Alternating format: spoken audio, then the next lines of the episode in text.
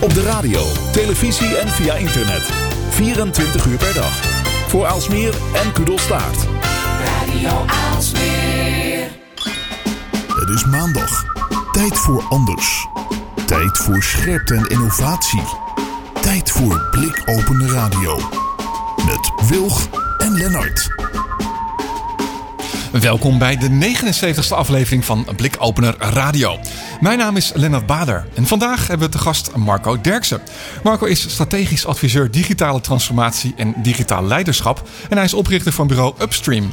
Zijn bedrijf helpt onder andere overheden met open innovatie en digitale transformaties. Ook is hij de oprichter van het toonaangevende online platform uh, Marketing Facts. En we kijken er natuurlijk enorm naar uit om uh, straks met hem in gesprek te gaan. Nou, zeker. Uh... Nou ja, goed. Mijn naam is Esther Gons. Ed Wilg voor, uh, voor mensen die mij kennen. En uh, dat zeg ik ook omdat Marco Derks voor mij al heel lang op Twitter... nou, begonnen volgens mij als Ad Marketing Facts nog. een oude bekende is. Dus ik ben heel benieuwd waar het gesprek vanavond heen gaat. Verder in onze uitzending columnist Rix Herklots... over de toename van het aantal vrouwelijke ondernemers. Goed nieuws, maar ik ben heel benieuwd hoe zij dat ziet. Ja, zeker. Uh, natuurlijk ook ja, onze blikopeners van, van de afgelopen week. Precies. Nou, genoeg redenen om te blijven luisteren. Ja, ben je nog niet geabonneerd op de podcast? Nou, schaam je. Nee hoor. Zoek dan gewoon op Blikopener Radio in iTunes of Spotify. Of ga naar blikopener.radio. En als je suggesties hebt voor gasten... Of onderwerpen. Of onderwerpen. Doe een mailtje naar post.blikopener.radio. Al aangekondigd. Uh, vandaag de gast in de uitzending Marco Derksen. Marco, goedenavond. Um, en ik las dat jij uh, eigenlijk van huis uit scheikundige bent. Ja, ja inderdaad. Hoe, hoe dat zo? Ooit in het verleden scheikunde gestudeerd in Nijmegen, ja. Hoe kom je dan bij digitale transformaties bij overheden uit? Wil je, wil je het hele korte verhaal of het lange verhaal? Nou ja, ik, ik vind het wel sowieso wel interessant. Want mensen, heel veel mensen kennen je misschien ook gewoon vooral van marketingfacts. En zelfs, uh, ja. zelfs ik wist niet dat jij die achtergrond had. Ik dacht nog, ja, iets met marketing. Dat zal die wel... Uh... nee, ik heb totaal geen, geen marketingachtergrond. Uh, dat zegt overigens ook wel wat. Kunnen we misschien straks nog over hebben. Nee, maar ik heb, ik heb inderdaad scheikunde gedaan. En binnen de scheikunde ben ik afgestudeerd op kunstmatige intelligentie. Dus dat was eind jaren 80, begin 90 zeg maar de vorige uh, AI-zomer heb ik mij bezig gehouden met, uh, met, neurale netwerken, genetisch algoritme en, en al dat soort zaken. Um, maar dan binnen de scheikunde, dus binnen de farmaceutische industrie, waar ik bijna acht jaar heb gewerkt aan het modelleren van medicijnen. Om te voorspellen welke, welke biologische werking ze zouden hebben. En ik stond een verhaal te houden op, op een congres. En daar stond iemand die hield een vergelijkbaar verhaal, maar dan de toepassing in de marketing. En dat vond ik eigenlijk veel, veel interessanter. ik heb eind jaren negen opstap gemaakt. Ah, dus waar je nu de modellen had. Zo is het gekomen. Waar je, waar je eigenlijk anders de modellen had kunnen runnen van uh, uh, hoe de medicijnen uh, op de huidige COVID-strains ja. toepasbaar zouden kunnen zijn, ben je nu helemaal een andere richting ja. ingeslagen. Zit ik in een andere richting. Ja, dit is wel een iets snellere wereld waar ik in terecht ben gekomen. nou ja, of jullie ooit wel eens in een laboratorium zijn geweest met allemaal witte jassen en vrij stoffig. Maar wel interessant. Ja, nou ja, en helemaal, weet wat jij zegt, is wel waar ook. Want waarschijnlijk had je dus die, met die studie heel veel kunnen doen nu met de corona-vaccin, of niet? Ja, nee, vast, ja, nee, zeker. maar, dat, maar, dat, kan ik nu ook, hè? Ja, dat is waar. Dat is maar op een hele andere manier. Um, hè, want uh, open innovatie uh, bij overheden, daar gaan we het al even aan. Waar, waar moeten we aan denken dan? Ja. Nou, het, het, ik, ben, ik ben niet met open innovatie begonnen. Het, het, het aardige is, ik ben uh, terechtgekomen in die marketing. Dat was eigenlijk de opkomst van internet. Dus ik zat al heel snel in digitale marketing, online marketing. Dat is ook de achtergrond van, van Marketingfacts en de reden waarom ik dat platform heb neergezet. Er was heel weinig kennis op dat gebied. En, voor de mensen en dat die is eigenlijk niet, in die zin uit, uit de hand. Sorry? Sorry? Nee, even voor de mensen die dat niet kennen. Kun je, kun je kort beschrijven wat Marketing Facts is? Ja, Marketingfacts is eigenlijk per toeval ontstaan, wat ik al zei. Er was te weinig kennis op het gebied van online marketing. En ik, uh, ik ben eigenlijk uh, kennis gaan verzamelen. Ik heb dat online op mijn website gezet. En eigenlijk ontstond van, van, vanzelf een soort van groepje mensen die er daar ook mee gingen bemoeien. Ook stukken gingen aanleveren. Dus, dus per toeval is er een, een online community geworden rondom digitale marketing. En dat is in die zin is dat heel groot geworden. In 2002 begonnen. En in 2005 hadden we ongeveer uh, iets van 50, 60 mensen die dus daar artikelen plaatsen, bloggers. Uh, en ik verdiende daar ook voor het eerst geld mee in die tijd. Uh, dus Marketingfacts is eigenlijk een online platform, een online community in die tijd. Waar we zeg maar kennis uitwisselden op gebied van digitale marketing. En, en vanuit die positie ben ik eigenlijk steeds meer terechtgekomen in digitaliseringstrajecten binnen bedrijven, digitale strategie. En eigenlijk de laatste jaren, ik ben op een gegeven moment steeds meer gefascineerd geraakt door, uh, ik zat altijd bij commerciële organisaties, maar steeds meer gefascineerd geraakt door de uitdagingen bij uh, publieke organisaties. Zorg, onderwijs, uh, overheden, woningcoöperaties. Um, en, en, en daar zit ik eigenlijk wat meer in die innovatiehoek. Ik ben geen specialist op innovatie hoor, maar het is natuurlijk wel een onderdeel van, van mijn vak. Hm. Nou ja, dat was misschien marketing facts ooit ook, hè? want dat klinkt misschien nu heel gewoon, uh, uh, uh, digitale online marketing. maar toen was het natuurlijk wel een platform waar, waar alle pioniers op het gebied van online marketing met elkaar kennis deelden van hoe, hoe doe je dat nou echt en wat werkt er en wat werkt er niet en kunnen we van elkaar leren, omdat dat toen nog vrij nieuw was. Dus ja, in zoverre is dat, was dat misschien een, een eerste ecosysteem voor, voor innovatie. Nee, zie jij dat niet zo? Zegt, ja. nee, nee, precies. Nee, maar dit is precies wat, wat het is.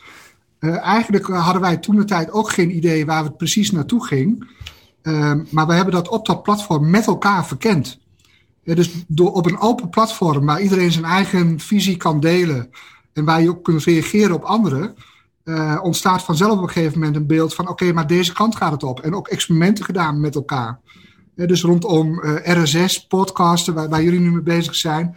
dat hebben we toen de tijd allemaal mee zitten experimenteren om te kijken van: hé, hey, wat doet het nou precies? En Super eigenlijk doe ik op dit moment precies hetzelfde, maar dan veel meer op het gebied van, van digitale transformatie. Uh, innovatie van bedrijfsmodellen, businessmodellen. En, maar we weten ook niet waar het naartoe gaat. Eigenlijk precies hetzelfde verhaal. En, nou, nou, eh, nou zeg je van nou, ik ben gewoon dat gaan doen. Maar dat, dat lijkt me best een lastige, een lastige stap. Hè? Van uh, nou ja, goed, ik heb een, ik heb een goed lopend uh, platform voor, uh, voor online marketing. Hoe maak je dan de stap van nee, ik ga iets helemaal, helemaal iets anders doen? Ook al zit dat in dezelfde lijn. Ja, nou ja, dat, maar dat, ik denk dat dat eerder in de persoon zit. Ik ben na een paar jaar ben ik klaar met wat ik doe. Dus ik, ik, ik moet om de zoveel jaar weer gewoon hele nieuwe dingen doen. En dan, eh, ja, ik, ik moet eerlijk zeggen, tot nu toe kon ik het ook gewoon opgeven. Dat vond ik niet erg. Ik heb Marketingfacts in feite ook opgegeven. Uh, ik heb toen de tijd een goede baan binnen Organon, farmaceutisch bedrijf, heb ik gewoon opgegeven. Ik gaf leiding aan een klein uh, groep mensen, researchers, ja, opgegeven voor een hele onzekere toekomst. En ik denk dat dat, ik denk dat dat ook een belangrijke is voor iedereen. En dat, dat, dat je gewoon blijft ontwikkelen en blijft vernieuwen. Dus dat zit gewoon, denk ik, in de persoon. En dan zei je dat um, um, in het begin is dat natuurlijk heel erg, ik denk dat het er inherent aan is, hè, gericht op bedrijf, op commercie. Hè, dat je marketing kan inzetten om uh, nou ja, meer sales, meer omzet, meer klanten, et cetera, et cetera te doen. Um, en je, je, wat, wat je zei vond ik heel mooi. Hè? Op een gegeven moment ging eigenlijk die, mijn interesse meer uit naar hoe kun je dit nou bij non-profits doen? Hoe kun je het nou bij overheden doen? Van waar die fascinatie daarvoor? Gewoon uitgekeken op het, op nou, het, ik, ik, makkelijke trucje? Of, of, of, ja, misschien is het dat wel. Ik, ik, ik kan nooit precies duiden waarom ik bepaalde stappen zet. Dat is ook een soort, uh, soort gevoel. Uh, maar ik ben uh, acht jaar geleden per toeval terechtgekomen in de opleidingswereld, post-HBO, post-academische opleidingen.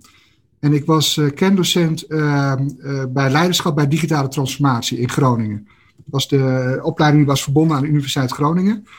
En 75% van de deelnemers daar, dat waren bestuurders en uh, directieleden of uh, managers vanuit de publieke sector.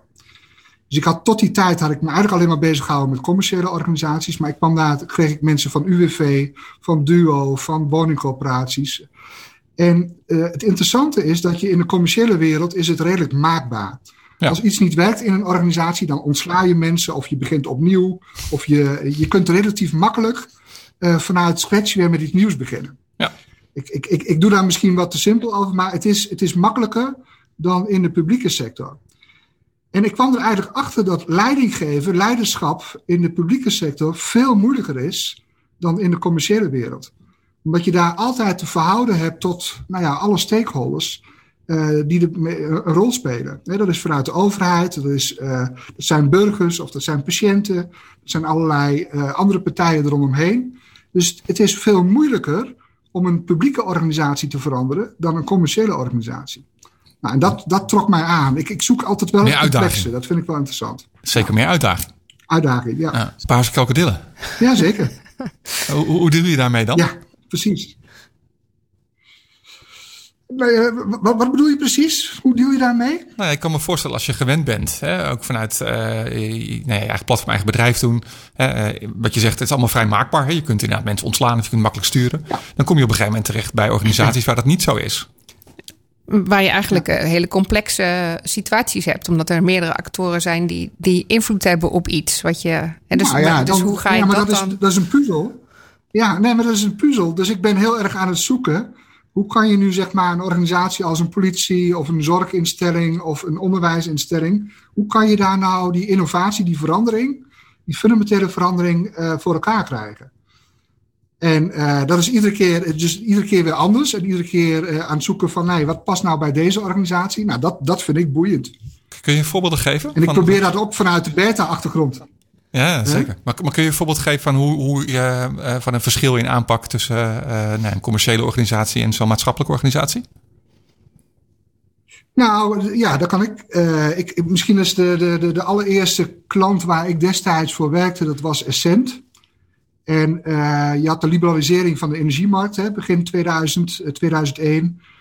En binnen Essent, uh, die moesten dus commerciële gaan werken. Er kwamen nieuwe partijen op de markt, rondom groene stroom, et cetera. En uh, zij hadden nog nooit wat aan marketing gedaan. Ze hadden eigenlijk helemaal... Dus we hebben vervolgens gekeken van hoe kan nou Essent op die markt uh, commercieel actief zijn. We kwamen er al heel snel achter dat daar geen businessmodel voor te bedenken was, want het systeem was te groot. dus de, de, de cost to serve, de kosten om een klant te bedienen, die waren meer dan wat het opleverde. Nou, iedereen kan dan bedenken, daar kan je dus geen kloppend businessmodel voor bedenken. Dus wij zijn toen, we zijn toen met een geheim projectkaartje met 15 mensen buiten Essent in Helmond zijn wij op begonnen met een compleet nieuw energiebedrijf. En dat is, uiteindelijk is dat Energie Direct geworden. Maar om te zien dat je dus naast een hele grote organisatie kan je gewoon opnieuw beginnen met nieuwe systemen, nieuwe mensen, dus geen legacy. En dat kan je opnieuw neerzetten. Nou, hetzelfde bijvoorbeeld met, met KNAP, met Egon. Hè? Ook een bank die twee jaar lang in het geheim in Hoofddorp, buiten uh, uh, de, de, grote organisaties, opnieuw is begonnen. Dus, uh, en zo zijn er heel veel meer, waar ik zelf niet bij betrokken ben geweest. Maar zo zijn er dus in die commerciële wereld kun je relatief makkelijk opnieuw beginnen. Nou, in, in, op dit moment in de zorg bijvoorbeeld, begin maar eens een nieuw ziekenhuis. Dat is niet zo eenvoudig. Of een hogeschool, om opnieuw te beginnen met een hogeschool. Of een nieuwe politie. Of een nieuwe politie. Ja. Nou, dat zijn, dat zijn ja. hè? Dat, dus daar, moet je, daar moet je iets anders gaan bedenken. Dus ik ben daar nu, en dat is echt op dit moment ben ik daar enorm aan het puzzelen. Van hoe kan nou zeg maar die politie die wel moet veranderen, de zorg eigenlijk hetzelfde. En we weten dat het oude systeem niet meer werkt zoals we dat nu hebben. Dus we zullen echt naar een nieuw systeem moeten. Maar hoe krijg je dat voor elkaar in een organisatie waar op dit moment 65.000 mensen werken? Nou, dat is een, dat is een hele lastige. Maar goed, dan.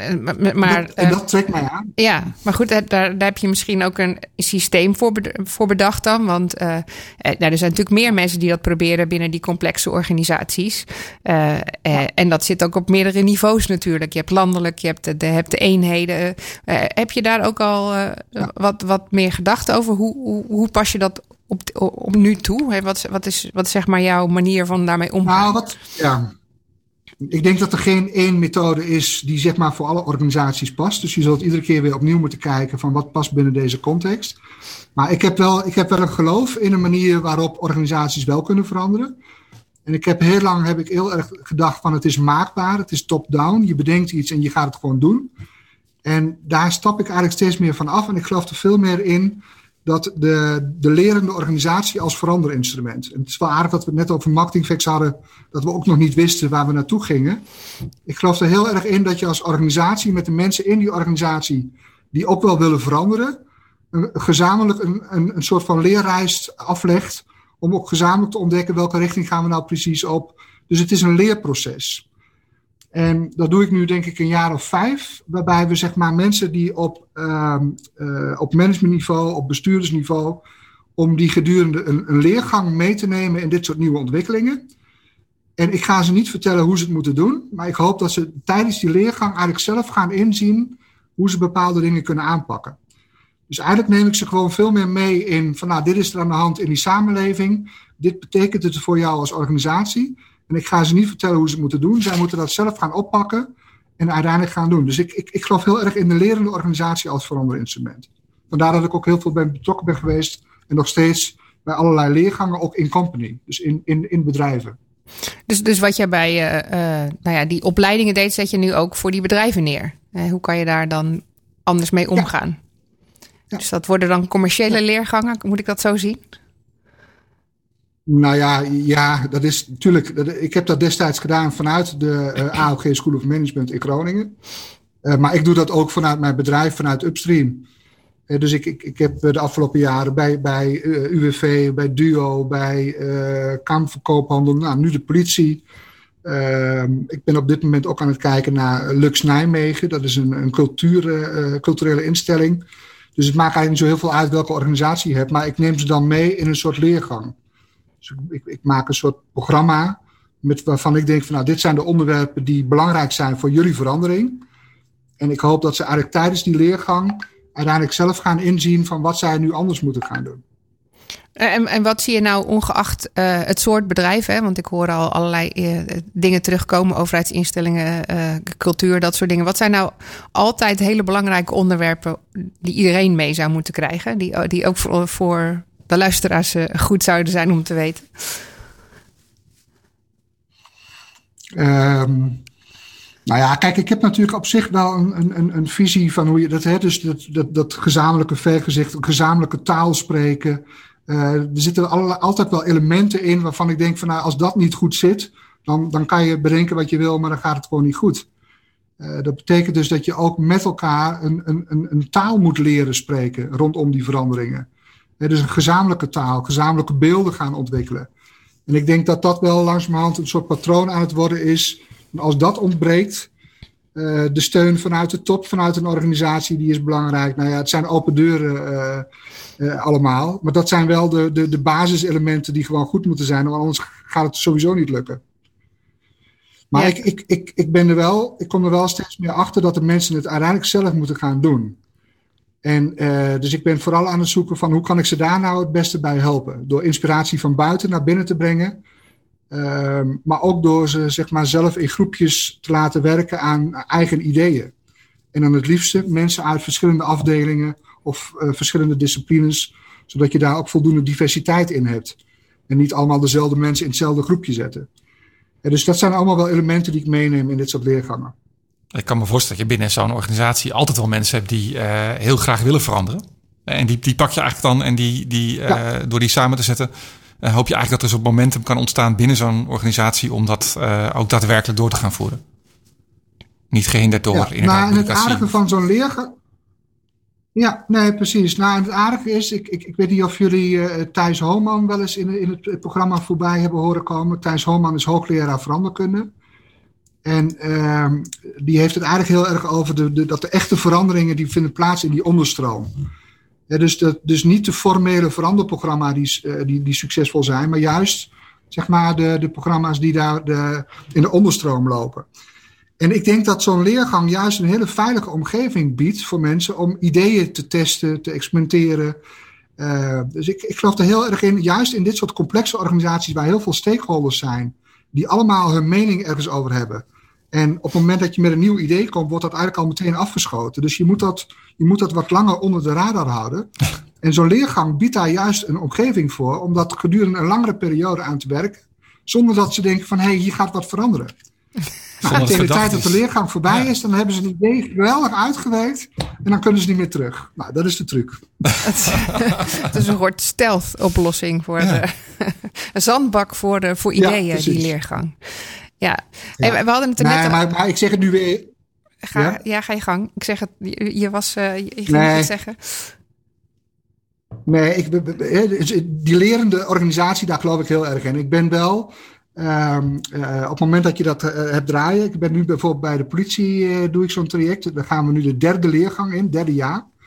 Dat betekent dus dat we inmiddels al tegen de 50, 60 leidinggevende experts mee hebben genomen in dit soort visie op, op verandering. en daar ontstaan dus nu in de organisatie al kleine groepjes die met elkaar dit soort ideeën verder uitwerken.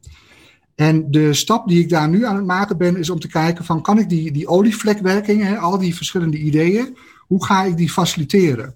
Dus ik ben daar nu ook intern aan het kijken naar een open platform, à la Marketingfacts bijvoorbeeld. Uh, een plek waar ze zeg maar, elkaar kunnen ontmoeten, waar ze ideeën kunnen uitwisselen. Dus dat, dat, dat komt wel weer terug, dat hele idee van dat ecosysteem ontwikkelen.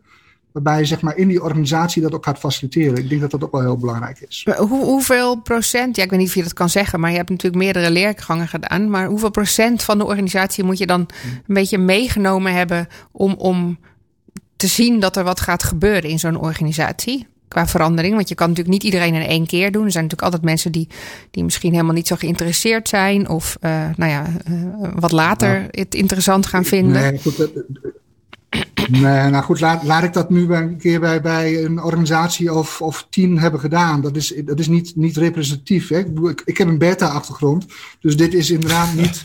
No statistical uh, significance. Er zijn natuurlijk wel theorieën. Ja, nee, maar dat is het niet. En, en iedere keer is het weer net anders. Um, vanuit, vanuit de theorie, vanuit de, de innovatie-adoptiecurve, weten we natuurlijk wel dat, dat je een bepaald percentage nodig hebt. Hè? Dus de kritische massa moet hebben voordat je zeg maar, de definitieve kanteling in een organisatie voor elkaar gaat krijgen. Maar goed, ook daar lopen de, de, de, de, de percentages weer uh, uiteen. De een zegt 15%, de andere zegt 30%. Er, er zijn mensen die zeggen je moet 3% hebben. Ja, ik weet het niet. Weten jullie het? Ik heb geen idee, eerlijk gezegd. Ik denk dat dat ook weer per, per organisatie verschilt. Nou, het ligt natuurlijk ook aan uh, hoe ver de organisatie al is. Uh, uh, hoe, ver, hoe, ver ze zelf al zijn in, in bepaalde ontwikkelingen. Maar ik vond het wel interessant. Ik denk, misschien zie jij een, een soort patroon. Van, nou ja, je moet toch wel op zijn minst. Nee, nee, maar ik denk niet. Nee, maar ik denk niet dat er een patroon is. Want als jij een organisatie hebt met 100 mensen, je hebt 99 mensen die willen veranderen. Maar, de, maar uiteindelijk de eentje die de baas is, die wil dat niet, dan verandert er niks. Nee. Nee, het zit toch weer in die top. Dan, dan heb je het over. Dus... Ja. Sorry? Het zit toch weer in die top. Ja, nee, maar, maar, nee, nee, maar het, het, gaat dus ook om van welke mensen, nee, welke mensen krijg je mee? Wat, wie zijn de belangrijkste influencers in zo'n organisatie? Dus dat, uh, nou ja, goed, dat, dat, dat, dat, dat fascineert mij iedere keer weer. Dus dat is iedere keer weer een puzzel. Dat vind ik geweldig. Ja, heel goed om te horen. Wat mij nou ook uh, interesseert, want uh, wij uh, hebben natuurlijk inmiddels al veel uitzendingen gehad waar het ook gaat over uh, digitalisering van uh, wat we nu aan het doen zijn, maar ook educatie bijvoorbeeld. Die leergang van jou, is, die, is die ook al online? hoe, hoe heb, je dat, heb je dat moeten aanpassen aan de huidige situatie? Ondervind je daar hinder ja, van? Alles, alles, gaat, alles gaat in de coronatijd online, Esther. Dus dat, is, dat was eigenlijk dezelfde week al omgezet naar een online variant. En, en, en ook daarin, moet ik eerlijk zeggen, zijn we nog wel aan het leren. Want een tweedaagse, uh, die we normaal gesproken fysiek hebben op locatie, met overnachting, met, uh, met diner, met, met een borrel en alles erbij. Uh, de, de, allereerste die ging gewoon twee dagen online. Dat is natuurlijk een drama. Dus iedereen was na twee dagen ook compleet murf ja. om dat op die manier te doen. Maar inmiddels, inmiddels doen we dat anders. Daar zitten wandelsessies tussen, daar zitten uitgebreide sessies waarin je andere dingen gaat doen. Ik heb zelfs al achter de webcam zitten, zitten dansen met elkaar. Dus ja, je, je, gaat, je gaat op een andere manier kijken hoe je zeg maar ook die energie erin kunt houden. Ja, ja en het heeft misschien ook zijn voordelen, of niet? Zo'n zo'n digitale uh, leergang. We hadden het net ja, al even dat, over de specialisten die, uh, die nee. ineens uh, mogelijk waren. Nee, zeker. Nee, ja, het, het voordeel is zeker dat je zeg maar gastsprekers kunt uitnodigen die normaal gesproken fysiek niet, niet, niet haalbaar zijn die kan je online uh, prima doen. Dus dat, dat doen we dus ook. Uh, ook met internationale sprekers die even een uur lang een, gastcollege laat geven. Het, het, nadeel vind ik wel dat, zeg maar, zeker bij dit soort onderwerpen, is zeg maar, het fysieke contact met elkaar aan die bar zitten of s'avonds met elkaar dineren. Ik denk dat dat onderdeel misschien wel net zo belangrijk is dan de inhoud van het programma. En dat mis je nu wel.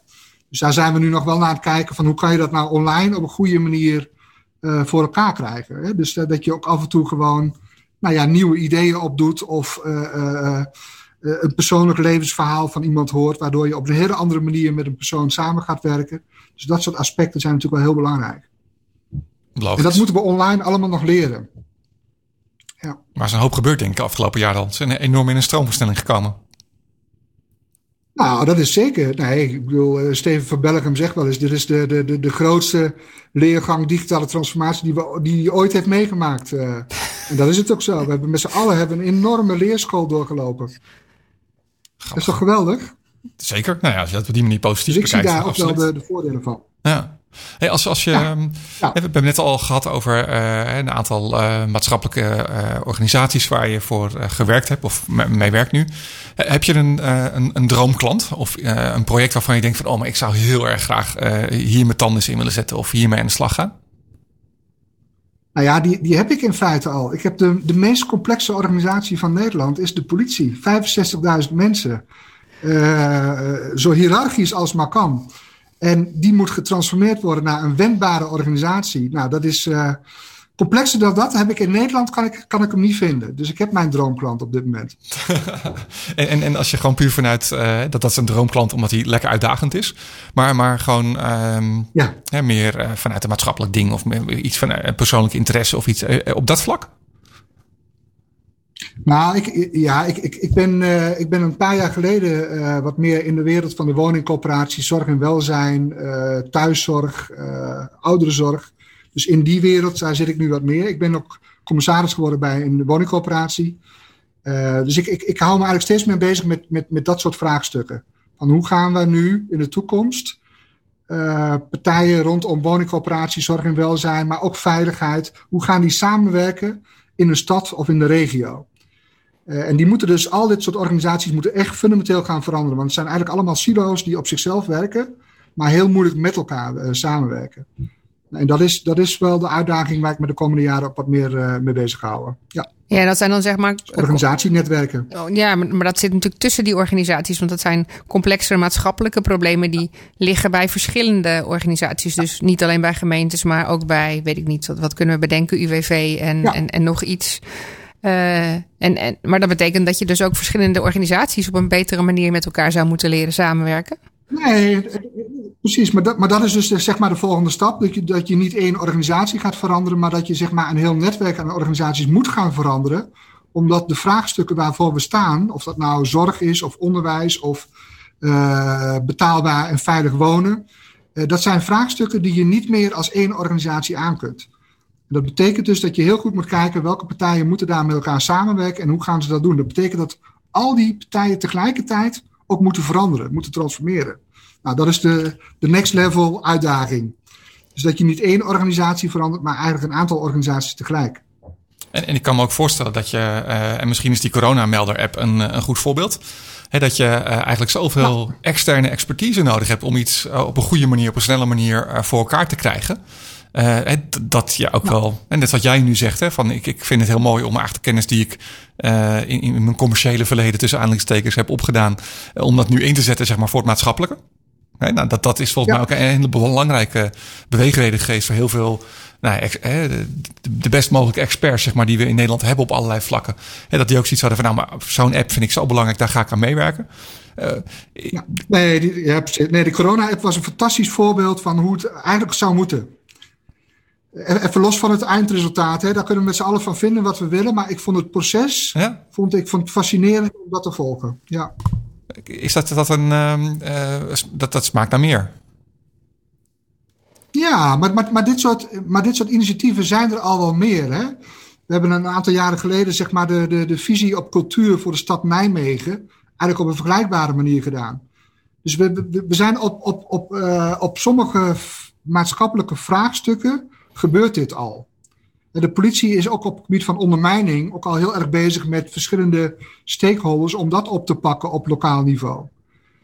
Maar de, de, de grote uitdaging is van hoe ga je zeg maar, organisaties echt transformeren, dat je in de toekomst dus geen ziekenhuizen meer hebt, maar dat we de zorg echt rondom, of de gezondheid, rondom uh, mensen hebben georganiseerd.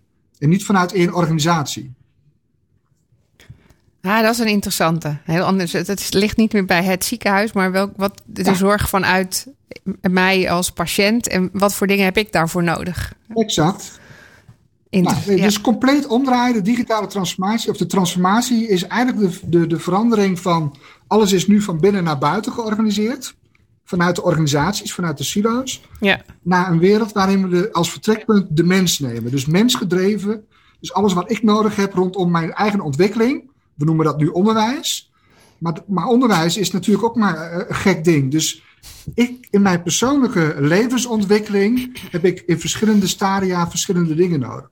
Hoe ga ik dat nou organiseren? Ja, en dat zien we natuurlijk eh, vanuit Nou, banking. technologie gaat ons uitkomen. Ja, we zien dat vanuit banking natuurlijk al aardig gebeuren. Hè? Daar zien we letterlijk van, ligt dat straks nog bij de banken? Want ik wil op een bepaalde manier mijn, mijn geld kunnen beheren of mijn financiën kunnen beheren. Leg ik dat misschien bij Ja. Google of bij Amazon of bij, eh, weet ik niet, bij WhatsApp neer.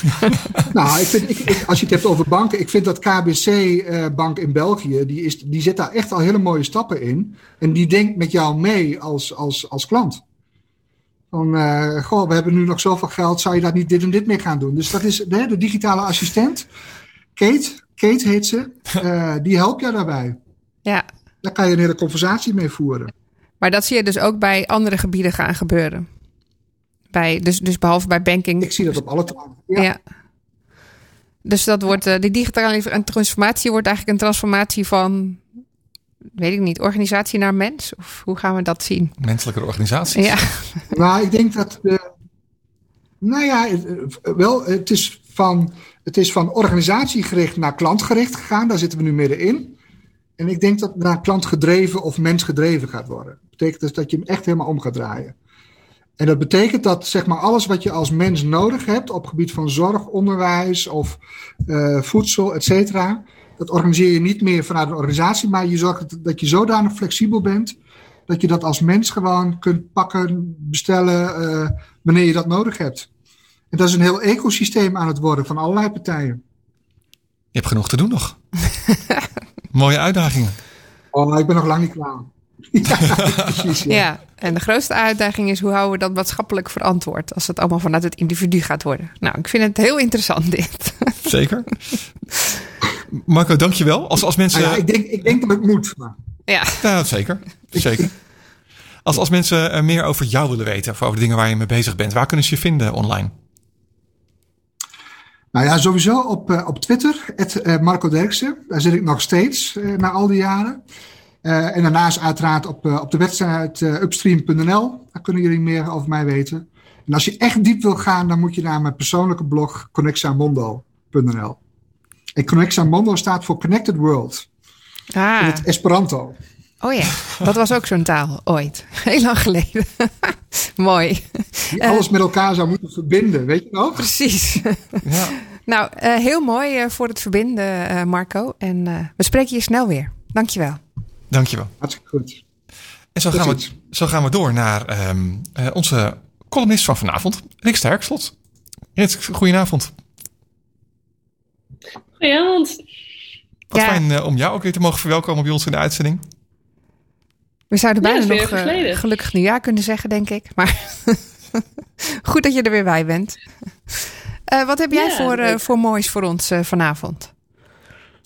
Nou ja, ik, vond, eh, ik heb net natuurlijk al een beetje mee zitten luisteren met, met Marco. En eh, nou ook wel weer hele interessante punten. Maar wat ik eigenlijk heb meegenomen, en dat, dat sluit er niet helemaal op aan, maar is eigenlijk het feit dat eh, nou, de, de Kamer van Koophandel en het Centraal Planbureau hele mooie cijfers hebben gepresenteerd. Namelijk, nou, en in 21 jaar tijd de minste faillissementen gemeld. Met daarbij eigenlijk ook in de laatste vijf jaar eh, een groei van 29 procent als het aankomt op vrouwelijke ondernemers. Dus we krijgen steeds meer vrouwen die, eh, die gaan ondernemen. Eh, en wat daar nog het leukste eigenlijk in is, is dat als je kijkt naar de groep onder de, tot aan de 34 jaar, dus eigenlijk de young professionals, eh, dat daar de grootste, de grootste toename zit van zelfs eh, 42 procent. Ja, Met dan de grootste groep zelfs nog onder de minderjarigen. Dus eh, we zijn lekker op weg. de, de toekomst voor vrouwen is heel ondernemend. Wat, eh, wat een goed nieuws. hey, die, die, eh, dat, die afname dit jaar Ja, aan, eh, ja.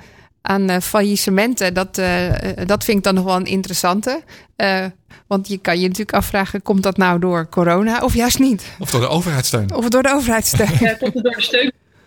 Door de steunpakketten, inderdaad. En daar, wordt wel een, een link naar gemaakt, inderdaad, dat, het, eh, dat er het vermoeden bestaat dat veel bedrijven die, eh, die anders misschien inderdaad over de kop wel waren gegaan, ook zonder corona, en nu nog overeind staan door de, overheid, eh, door de overheidssteun. Maar is misschien op de korte termijn nog iets te, iets te snel om directe conclusies ook aan te hangen. En, en dat goede nieuws van uh, vrouwelijk ondernemerschap, dat vind ik wel mooi. Is dat nou, is het nou zo dat er sowieso meer ondernemers uh, zijn? Hè? Dus dat, dat, dat wij ondernemerder worden en minder snel werknemer zijn? Of is dat gewoon relatief zo dat er ten opzichte van mannen gewoon meer vrouwen ook uh, ondernemer worden? Ja, nou, het is, het is vooral, we worden inderdaad als, als uh, mensen, als we het dan ook hebben over hè, van, van, van de grote instituten, wat Marco zei, meer naar het individu. Uh, zie je wel dat, dat ondernemerschap aan zich uh, een, een, vlucht aan het nemen is. Maar waar dat uh, voorheen toch redelijkerwijs hè, meer een mannenaangelegenheid was. Een op de drie vrouwen is, is, is ondernemer inmiddels. zie je nu dus dat in de laatste vijf jaar dat percentage nou ja, dus, dus wel de, de goede kant op aan het verschuiven is. En meer richting die 50-50 aan het bewegen is. Bedoel je? Dus, als je kijkt naar, naar wat een aantal leuke voorbeelden zijn in corona, is uh, bijvoorbeeld het, uh, het brievenbustaartje. Ik weet niet of jullie daarvan gehoord hebben. Het is nee, nee die mag je even die, die mag je uitleggen. Die, Ja, dat is dus een hele slimme, een hele slimme dame, die, die al, uh, Roseleen, die een goed cateringbedrijf had. Maar ja, dat kwam natuurlijk allemaal uh, direct uh, op, op stop te staan in maart. En die is gaan bedenken, wat kan nog wel? Dus die, uh, die verstuurt nu taartjes die uh, net zo plat zijn dat ze nog door de brievenbus kunnen met het doosje. Dus je kan gewoon een taartje laten bezorgen. En die moet je dan nog zelf bakken, denk ik? Of hoe werkt dat? nee, nee, nee, helemaal af. Helemaal af. Dus het, het, is, niet, het is niet de grote, de grote slagroomtaart die je anders uh, bij de bakker uh, zou krijgen. Dus het is wel een aangepaste vorm. Maar in principe helemaal, helemaal af en klaar. Ja, dat loopt als een trein. Omdat iedereen natuurlijk ook nu juist, uh, hè, ook veel werkgevers, de, de werknemers ook een hart onder de riem willen steken die thuis zit. Dus het is een heel leuk cadeautje wat nu opeens is opgekomen. Grappig. Je, je zei net, één op de drie vrouwen is ondernemer inmiddels. Is dat correct of is het één op de drie ondernemers is vrouw? Dat vroeg ik me nog even af. Uh, één, op drie één op drie ondernemers is vrouw, dat klopt inderdaad. Ja, ja. ja nee, scherp. Ja, detail. Ik zat even, dat klinkt wel heel veel. Is, is, is daar nog iets uh, aan te zien? Ja, dat zou mooi zijn als, als we daar naartoe gaan. Uh, zijn, zijn we nog ergens over of ondervertegenwoordigd of is dat, gaat dat te ver? Moeten we gewoon al heel blij zijn ja, dat we zijn, dit, we zijn ja, we zijn, we, zijn, we zijn vooral ruim vertegenwoordigd in, in, de, in, de, in de graphic, in de design, in de communicatie, in de marketing. Um, als we kijken naar puur aan sectoren waar, waar we goed vertegenwoordigd zijn, dan, uh, dan is dat in de healthcare, de femtech. Uh, Marco, van, uh, je, je, je wordt van begin tot eind bediend en we zien ook toch steeds meer bedrijven ontstaan in die space van de vrouwelijke gezondheidszorg. Hè. Uh, het wordt steeds duidelijker dat heel veel van wat wij, wat wij als algemene kennis aannemen in gezondheidszorg, dat dat toch vooral op mannen uh, gericht, getest, ontwikkeld is. Uh, dus dat er nog echt wel blinde, blinde vlekken zitten, terwijl gewoon de helft van de wereldbevolking daar het effect van ondervindt. Dus zie je veel, veel nu opkomen. Hè. bedrijven die zich echt van begin tot het eind op de vrouwelijke cyclus richten. Dus niet alleen uh, de, de, de, biologische katoenen tampons, maar helemaal tot aan de menopauze uh, door. Uh, bekkenbodeminstabiliteit die daar schijnt te ontstaan. Kijk, ik weet er ook nog lang niet alles van, want het is dus gewoon niet algemene kennis. Maar veel meer bedrijven die zich daar nu mee bezighouden. En daar zitten, dus echt, daar zitten echt nog gaten in de markt die nu nog niet worden opgevuld. Hm. Je bent natuurlijk van de Next Women. Hoe zien jullie dat ook, die toename? Ja, ja, ja, we hadden echt in, uh, in maart ook even het, uh, het rampscenario geschetst. Zoals vele ondernemers met ons. En ook echt wel gedacht van zo'n, wij, wij opereren op basis van memberships en, en programma's die we organiseren. Wie heeft er nou behoefte aan in tijden van crisis? dus wat gaat er gebeuren als er eigenlijk geen euro meer binnen gaat komen en iedereen die moet verlengen op gaat zeggen? En dat is, dat is alles meegevallen. We hebben eigenlijk veel minder opzeggingen gehad dan, eh, dan eh, de, de, de twee jaar ervoor. Eh, zelfs nog weer redelijk wat nieuwe members erbij gekregen. Programma's die zijn doorgegaan. Hè, ook events georganiseerd. Al vrij snel inderdaad ook ondervonden dat een hele dag zoomen mensen niet gelukkig maakt. Dus dat er wat interactie en afwisseling in nodig is. Maar eigenlijk een, een redelijk prima jaar gedraaid. En juist heel erg gezien dat er dus inderdaad ook uh, mensen zich weer melden die, die met nieuwe bedrijfsideeën bezig zijn en daar graag uh, in, uh, in ondersteund willen worden. Hey, dus en het die, eh, eh, komt voor mij ook niet helemaal als een eh, verrassing. Mooi, mooi. Ja. Ehm, en, en die, eh, want jij zei, nou, er zijn echt eh, relatief veel jongeren die eigenlijk eh, nu ook ondernemer worden. Wat, wat ik heel goed nieuws vind, hè, want dat is dan eh, toch waar we op aanstuurden. Eh, zie je dat ook terug? Of, of, of moet je daar dus misschien eh, anders mee omgaan? Of andere evenementen of andere eh, hulp voor, voor aanbieden? Ja, nou ja, wij, wij zien het wel meer dat, dat we door ze gevonden worden. Eh, maar we moeten daar in onze propositie nog wel wat ruimte voor maken. Want het is nog niet zo heel vaak dat, die, dat, dat er dan al echt middelen zijn om bijvoorbeeld bij een netwerk als die van ons, wat toch een betaald, eh, betaalde variant is, dan direct aan te haken. Maar gelukkig zijn er in Nederland eh, vrij veel initiatieven die ook eh, gratis opereren. Zoals Femstart van Marjan Spier, eh, onder andere een heel goed initiatief wat, wat, wat gestart is. Eh, Rama El Mouden en eh Elske Doets, die zijn in coronatijd een, eh, een hulpdesk voor ondernemers gestart. Dus eh, hè, ook in die eerste fases eh, kan je al vooruit geholpen worden. Mooi. Eh, ik, vind, ik vind het heel goed nieuws. Dank je voor deze vrolijke eh, Nou ja, opener eigenlijk, blikopener. Ja, wat goed. Eh Rix, als mensen wat meer over jou willen weten, waar kunnen ze jou dan terugvinden? Of over The Next Women? Eh, dat kan eh, het, het makkelijkst op thenextwomen.com en anders op mijn persoonlijke LinkedIn, X Herklots. Dan vind je me wel. De enige die er is. Met, met een X, laten we het even duidelijk houden. precies, precies. Wel even goed spellen. Precies. Dankjewel, Rix. Succes vandaag. Dank je. Nou, en daarmee eh, zijn we al toe aan eh, de blikopeners van, eh, van deze week. Esther, wat viel je op? Ja, ik, eh, ik wilde net vragen, had jij nog leuke blikopeners voorbij zien komen, Lennart? Ja. Nou goed, vorig jaar, vorig jaar, vorige week hadden we het ook al even over een aantal dingen die jij voorbij had zien komen. Ja. Zoals bijvoorbeeld de, de, de Apple Car waar je het over had. Ja. Eh, nou, daar hebben we het dan zo wel eventjes over. Wat mij opviel was eh, een aantal dingen. Ehm, ik heb eh, een nieuw platform eh, waar ik sinds kort op zit. En dat is Telepath. En daar hebben we het al een keer met Hermaniak over gehad. Eh, Herman Kouwenberg over als nieuw social platform. nou, dat dat best interessant is, omdat daar ook heel erg op gemonitord wordt hoe je je gedraagt. wat voor dingen je er zegt. Dat dat moet bijdragen aan de discussie, anders wordt het verwijderd. En dat er echt topics zijn waar je En dat werkt, echt toch? topics zijn. Ja. Ja. Nou goed, en wat grappig is dat ik daar dus ook echt discussies heb over bepaalde onderwerpen. En dat die discussies dus ook niet uitmonden in. ehm, Zoals het op Twitter wel eens gebeurt, waar ik dus ook niet altijd wat durf te zeggen in uitschelden of eh, eh, op de man spelen. Of nou ja, gewoon hele vervelende dingen, waar je dus da- daardoor ook geen discussie meer aangaat. Maar dat er dus ook echt discussies zijn waardoor je elkaar. eh, en je hoeft niet elkaar gelijk te geven of, of elkaars mening eh, te hebben. Mhm. Uh, maar er wordt wel, het wordt wel gewaardeerd uh, van anderen of gerespecteerd dat je die mening hebt. Waardoor er dus ook hele interessante discussies ontstaan. Ze hadden het bijvoorbeeld over iets wat ze in Amerika noemen deplatformisering. Ja. ik heb het maar even vrij vertaald. Ja. Um, en wat zij daar zeggen is, nou, door die deplatformisering, hè, dus het bannen van bijvoorbeeld Trump van een aantal grote sociale plat, platforms, zodat hij geen spreekbuis meer heeft, heeft er ook voor gezorgd dat de radicalisering van een aantal mensen, uh, nou ja, goed, eigenlijk uh, licht, licht teruggedraaid wordt. Uh, dus dus ze niet gevoed worden eigenlijk. Het, ze worden niet gevoed ja. en dan en is, er, is er ook minder een platform voor. Mm -hmm. En dat vond ik eigenlijk wel heel interessant. um, maar, moet ik me ook voorstellen dat Telepath dan... Um, het is niet iets waar je je vakantiefoto's op deelt... maar het zijn puur gesprekken of onderwerpen waar je uh, over mee kan praten. Er staan je... ook zeker gewoon foto's op. Er is Ja? gewoon een, een hashtag uh, uh, pictures of photographs waar mensen hun passie delen. Ik zit nu gewoon ook in een hele heerlijke hashtag cooking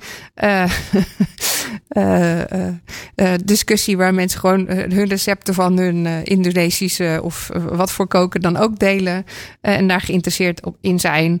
Um, maar de discussies zijn anders. Maar het is niet een tijdlijn zoals je gewend bent van um, een Facebook of een Twitter waar je content van vrienden in ziet. Uh, dat kan, ja, ook. Kan ook. Het is ook. gewoon ook een tijdlijn. Het is gewoon dat de sfeer anders is. Hm. He, dus waar je eigenlijk uh, op Instagram alleen maar mooie foto's verwacht en perfecte recepten, uh, is er hier veel meer interactie en discussie over hoe je elkaar beter kan helpen. Ja. en het grote verschil is eigenlijk dat het gemodereerd wordt. En dat is het grootste verschil. Eh, Hmm. Dat er dus ook gewoon gesprekken daardoor ontstaan, die heel interessant kunnen zijn. Is, is het nou zo dat die ehm, moderators, hè, want we kennen bijvoorbeeld van, eh, van Wikipedia, hè, daar zit een, een, een leger eh, aan vrijwilligers achter die, Ja. die eh, ook een beetje meechecken en dat niet alles allemaal goedkeuren, et cetera. Hè, dus een soort ecosysteem van, van redacteuren. Ja. Is dat bij Telepath ook zo? Of is het allemaal, zijn het gewoon betaalde mensen die in dienst zijn van Nou, het bedrijf? en die tot nu doen? toe is dat, zijn dat nog mensen die gewoon in dienst zijn van het bedrijf. Ehm, Het lijkt me heel duur namelijk. Het, is, het is ook heel duur, dus onze vraag is ook hoe gaan ze dat volhouden. Is het gratis ook? Maar het is, het is ook gratis. Ja. Hoe dan? Hoe kan dat? Ze testen dat denk ik nog. Ja? Eh, maar je wordt dus ook, hè, dus wij, er was een, is een groep eh, hashtag eh, eh, Nederland of eh Dutchies of hoe die ook mag heten, ik weet Ja. niet precies. Eh, waar de eerste Nederlanders die op dat platform zitten eh, elkaar al hebben gevonden. Eh, en waar je dus ook automatisch ook in het Nederlands met elkaar eigenlijk in gesprek schiet. Ja? Eh, daar wordt dus ook wat van gezegd. Er is mij vriendelijk verzocht eh, de opmerking te verwijderen en die in het Engels te plaatsen, zodat er meegekeken kan worden door anderen. En, en, en eh, dat het altijd blijft bijdragen in, een, in waarde voor iedereen. Maar hebben ze, hebben ze aangegeven wat het verdienmodel uiteindelijk gaat worden? Nee. Dat vind ik wel. En, en wie, wie zit erachter? wat is het voor... eh, Nou ja, dat zijn dus mensen die het anders willen doen. En het grappige is dat die ook actief zijn op het platform. Dus ik, heb, ik volg Mhm. een van de oprichters, eh, Ja. Mark Brodnick. Eh, en die is ook op, nou ja, wel honderd van die, die, die, die dingen actief. En die plaatst ook gewoon vragen of meningen waar die, waar die dan wel of niet iets van weet. Maar gewoon om dat dan aan te jagen of daar een echt gesprek over te beginnen. Nou, ik vind het wel interessant natuurlijk. Als je zegt altijd van als je eh, niet ergens voor betaalt, ben jij zelf het, het product. Hè? Dan word je Ja, zelf ja. dat. Ja. Zitten geen advertenties in. Nee. En toch Nog- is nog iemand, niet. iemand Dus- die betaalt die mensen. Ja, En dus dat is dus betaalt... het grappige waarom ook Her- Hermania eh, vorige keer al aangaf. Heel, heel benieuwd waar dat dan naartoe gaat. Ja. Want nu is het nog, kan dit nog omdat het beheerd wordt en Ja. er nog geen massa is. Hè, dus dat is, dat is het lege van- strandje. het gevoel van Twitter van vroeger misschien. Ja? Eh, maar waar gaat het naartoe als het massa wordt? Of, of wordt het nooit meer massa en, en zitten we straks op allerlei eh, verschillende soorten platformen eh, met, met lege strandjes. Maar dan hebben we ook nooit meer één grote spreek- spreekbuis. En hoeven we ook ons niet meer druk te maken over iets als deplatformisering. Nee, maar dan heb je misschien wel weer een, een eh extremistenstrandje. Eh, ja, dat zou ook nog kunnen, ja. Maar goed, ehm, mij dat, deed dat eh, wel heel even denken. Nou, misschien moeten we het er niet te lang over hebben. Over eh, eh, spreekbuizen en, en eh, wie er aandacht krijgen in onze media. En daar heb ik na gisteravond toch ook wel, of gisteren toch ook wel een mening over. En dat de media daar een rol in speelt. En dat ik me dan soms wel eens afvraag waarom. Ehm, nou ja, al die mensen die nu zeg maar de railschoppers zijn, daar heel veel eh, spreektijd krijgen. Van waarom doe je dit eigenlijk? Eh, terwijl we eigenlijk misschien gewoon ook heel veel aandacht zouden moeten besteden aan eh, verplegers, politiemensen en, en hun perspectief. Waar zijn ze in terechtgekomen? Hoeveel zitten die ziekenhuizen? Ja, Eh, eh, Laat maar zien. Ja. Waarom hebben we niet honderdduizend documentaires, eh, drama-docu's en, en, en praatshows waar dat soort mensen eh, aan het woord zijn of, eh, of, of eh, gezien, eh, gezien worden? Ja. Maar goed, dat was een, eh, dat was een persoonlijke insteek. ja, ik kan me niet zo voorstellen. Ja. Eh, over deplatformisering eh, gesproken. Ja. Ehm, ja, heel ander onderwerp wat ik, eh, wat ik tegenkwam is. Nou ja, we, we weten het allemaal. Eh, eh, we zijn weer eh, heel hard bezig met de Par- Parijs Klimaatakkoorden. Joe Biden heeft zijn eerste decreet getekend. Ja. En we zijn gewoon weer hard op weg om, om in de wereld in ieder geval voor te zorgen dat, dat we wellicht iets aan die opwarming kunnen doen. Ehm, het, het mooie vond dat ik daar eh, dat ik een heel interessant artikel tegenkwam waarvan ik dacht, oh, dat is voor de opwarming van de aarde en hoe we CO2 terug kunnen draaien. Eh, maar dat ging eigenlijk helemaal niet zozeer over hoe dat met technologie moest, maar veel meer ehm, dat wij eigenlijk vergeten dat behalve bomen er nog veel belangrijker een speler is eh, op het gebied van het terugdingen van CO2, die we wel eens heel, heel erg vergeten. En dat is de walvis. Of opeten in sommige landen. Of opeten. Vergeten of opeten. Ja. Dat, die gaat ook niet heel vaak op die combinatie. Maar En eh, eh, walvissen zijn, het is een, een vrij groot artikel was dat op de BBC. Ja. Walvissen zijn, zijn eigenlijk vreselijk onderschat, maar vreselijk belangrijk voor CO2. Want behalve ehm, eh, dat zij heel veel CO2 eh, opslaan en omzetten. ehm, als zij eh, sterven bijvoorbeeld, dan als ze dat op een natuurlijke manier doen, dan zinken ze naar de bodem van die oceaan. Mooi. En, en dan eh, gaat die CO2 die zij meenemen, eh, daar de bodem weer in, zonder dat het terugkomt in onze atmosfeer. Ja.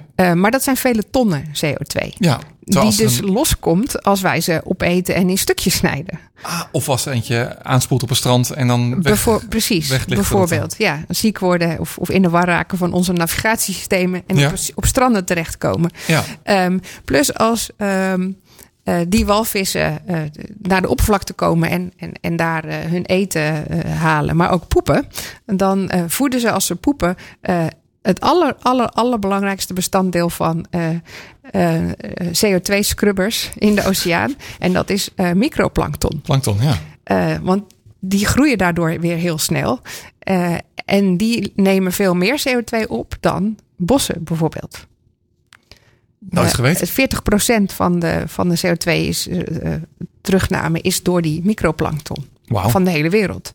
Hm. Eh, dus eh, het is zo belangrijk dat de IMF eh, daar een studie naar heeft gedaan en een monetaire waarde aan, eh, hè, dus het, het is het Internationaal Monetair Fonds, dus eh, eh, het, het, het instituut dat over onze financiën gaat van de wereld, Ja, zegt van nou ja, het is zo belangrijk dat we, dat we er een monetaire waarde aan gaan hangen aan die walvissen. Eh, en ze moeten een topprioriteit krijgen in, eh, in, de, climate, eh, in, de, in de klimaatdiscussies. Eh, misschien moeten we zelfs wel iedereen die eh, beboet wordt voor, eh, voor klimaat en CO2 eh, terug gaan laten betalen, zodat we de walvissen kunnen redden op, op aarde. Nou, ik vond het een interessante en misschien moeten we dat gewoon terug laten komen in die eh, klimaatakkoorden van, eh, mijn, van Parijs. in mijn beleving zijn er maar een paar landen die walvisjacht doen, toch? Ja, maar het is dus niet alleen Japan wal, en- walvisjacht, hè? Want het is wel zo dat, eh, dat de afname van die, eh, van die walvissen door de jacht, inderdaad Japan, eh, wat hadden we nog meer, Noorwegen. Noorwegen, Ja. en nog een aantal van die landen, dat ze daardoor heel erg afneemt. Maar het is natuurlijk ook zo dat wij de zee vervuilen, Plastic, eh, eh, bevaren Ja. eh, en daardoor eh. De walvissen natuurlijk niet heel erg beschermen. Zeg Nou. maar. Eh, ja. Heeft geen prioriteit waarschijnlijk. Nee. Dat zou het moeten krijgen dan. Maar gelukkig zijn er, eh, zijn er ook nog techneuten die eh, eh, bezig zijn met die CO2. Ehm, ik kijk heel veel sci-fi, dus eh, eh, CO2 scrubbers is iets wat, wat ik herken. want dat heb je op elk ruimteschip. En inmiddels vind ik dat wij ook wel een beetje een ruimteschip zijn. En moeten we heel zuinig met onze, met onze zuurstof zijn. Reserve brandstof, ja. Ja, Ja. maar er zijn gelukkig ook bedrijven die eh, eh, CO2-scrubbers ehm, hebben gebouwd. En, en dat, dat bedrijf dat eh, nu bezig is met een, eh, met een heel netwerk aan CO2-scrubbers, die zegt: nou ja, wij kunnen dat eh, op verschillende manieren doen. Ehm, ze hebben een bepaalde technologie waardoor, ze die, waardoor ze dat, dat kunnen doen, maar dan willen ze er ook meerdere naast elkaar zetten met van die grote schoorstenen, waardoor ze dus ook dat uit de, uit de lucht kunnen halen. Maar je een schoorsteen hebt die dan eigenlijk... ehm, en wat je nu gewend bent als je schoorsteen ziet van nou, dat is niet goed. En dan eigenlijk juist andersom. Ja, precies. Ja, dat, eh, er zijn een aantal bedrijven die, die daaraan werken. En die Ja. met diezelfde, ehm, met diezelfde ehm, eh, technologie, dat heet DAC. Eh dus bijvoorbeeld een Zwitsers bedrijf. En die heeft, die heeft 15 van die machines al staan door heel Europa. Eh, maar er zijn een, een, een aantal over de hele wereld mee bezig. En eigenlijk vinden ze dat dat, dat DAC, die te- technologie, dan een heel netwerk moet worden over de wereld. Waar er dus overal CO2-scrubbers staan. En dan worden we toch een beetje een soort van ruimteschip, Ja. denk ik. Onze eigen zooi opruimen.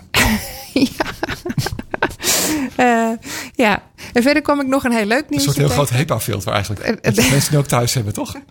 Nou ja, dat is wel zo. Ja. Dus, dus je lucht eh, verversen Ja. of, of eh, beter maken. Nou, dat, dat doen, moeten we dus eigenlijk gewoon ook in de atmosfeer doen. Ja. En het grappige is dat je er zelf misschien ook al een beetje over na gaat denken. Als ik een auto zie staan die stationair staat te draaien. eh, en dan heeft het misschien iemand het koud binnen. Ja. Maar dan zie ik die uit laten gaan. En dan denk ik, yes, je staat eigenlijk mij nu te vergassen. Dit zou je ook niet doen als je, als je in je garage met de deur dicht zou staan. Dus waarom doe je het wel? Dat je, je, gaat er ook, je gaat er steeds meer of anders over nadenken. Terwijl ik, ik wel. ja. Maar goed, dat is, dat is misschien persoonlijk. Nee, eh, begrijpelijk. Ja, Ja. herkenbaar. Ja. Eh, ook herkenbaar. Ik eh, zocht namelijk eh, de eerste. eh, de eerste avond avondklok. Hè. Eh, ja, dat is een memorabel, moment. Ik vroeg ook even aan mijn, aan mijn kinderen... waar vieren jullie het? nou, het bleek toch thuis te zijn. Eh, ik zocht even op, eh, op webcams. Ik dacht... Wat, wat, wat, wat moet ik nou? Ik, misschien kan ik kijken of er inderdaad mensen op straat zijn. Hoe druk zou het zijn op de A2 of de A4? Ik was echt even benieuwd. Ja. Eh, dus daar heb ik even op gezocht. Uh, er, is een, uh, een, uh, er zijn statistieken van Google en de website webcam, webcam.nl. Dat is gewoon een, een verkoopkanaal voor webcams. Maar die hebben statistieken. Zeggen, je, je, bent geneigd om te denken dat het meteen enorm pornografisch is. Nou ja, nee, webcam.nl is niet geheel pornografisch. maar verkopen gewoon webcams.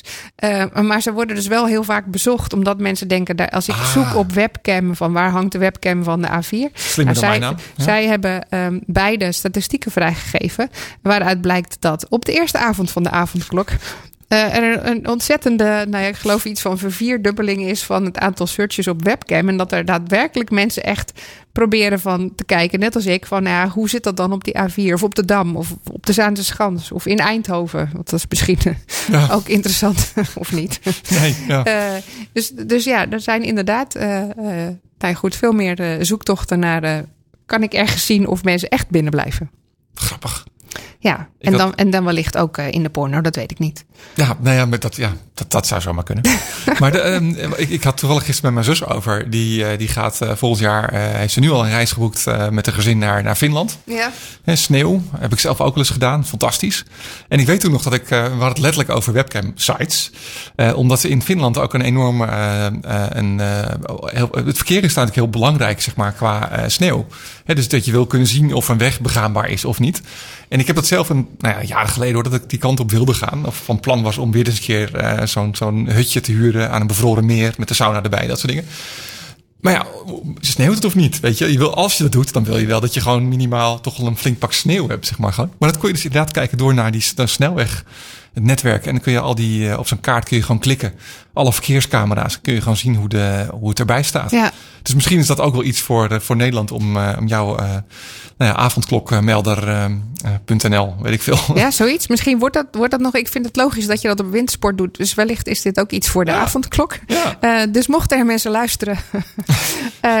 we horen graag als er zoiets opgezet wordt. Dus laat het ons even weten. Ik vind het mooi ja. Um, wilde jij het nog heel even hebben over de Apple Car? Of gaan we door naar um, wat er ook net in het journaal was over de. Uh, GGD-medewerkers. Laten we dat heel kort nog doen. Heel kort even, dat is net bekend geworden. Daniel Verlaan en Daniel Verlaan op Twitter, RTL-journalist, uh, kwam erachter. achter. Nou, hij doet, er ook, hij doet niet per toeval, want hij doet er onderzoek naar. Dat niet zozeer de IT de zwartste schakel is, maar vooral uh, mensen. Uh, GGD-medewerkers uh, moesten natuurlijk hard opgeschaald worden vanwege de ja. coronatest. Die moeten mensen gaan bellen. Daar zijn heel veel mensen voor aangenomen. Maar al die mensen die ervoor aangenomen zijn, kunnen gewoon bij alle systemen van de GGD, waaronder alle gegevens, burgerservice nummers, maar ook ziektes die je al hebt of de uitslag van je test. En die worden dus nu gewoon verkocht via zwarte marktplaatsen op dingen als Telegram of WhatsApp. Wat je kan je... het kan op bestelling kan je zeggen, nou heb jij misschien het burgerservice nummer van een bekende Nederlander, want dat, dat kan je weer gebruiken om te vervalsen. Je kan het ook weer gebruiken om mee te frauderen. En je kan het ook in batches van heel veel data tegelijk kopen. Hmm. Nou, ik vind niet zo'n vrolijke afsluiter. Nee. Nee. We gaan er gewoon wat aan doen. Precies. Volgende week weer een leuke nieuwe aflevering van Blik Open Radio. Vanavond komen er twee online in de podcast. Namelijk die van afgelopen week ook nog. En uh, nou ja, fijne week. Fijne week.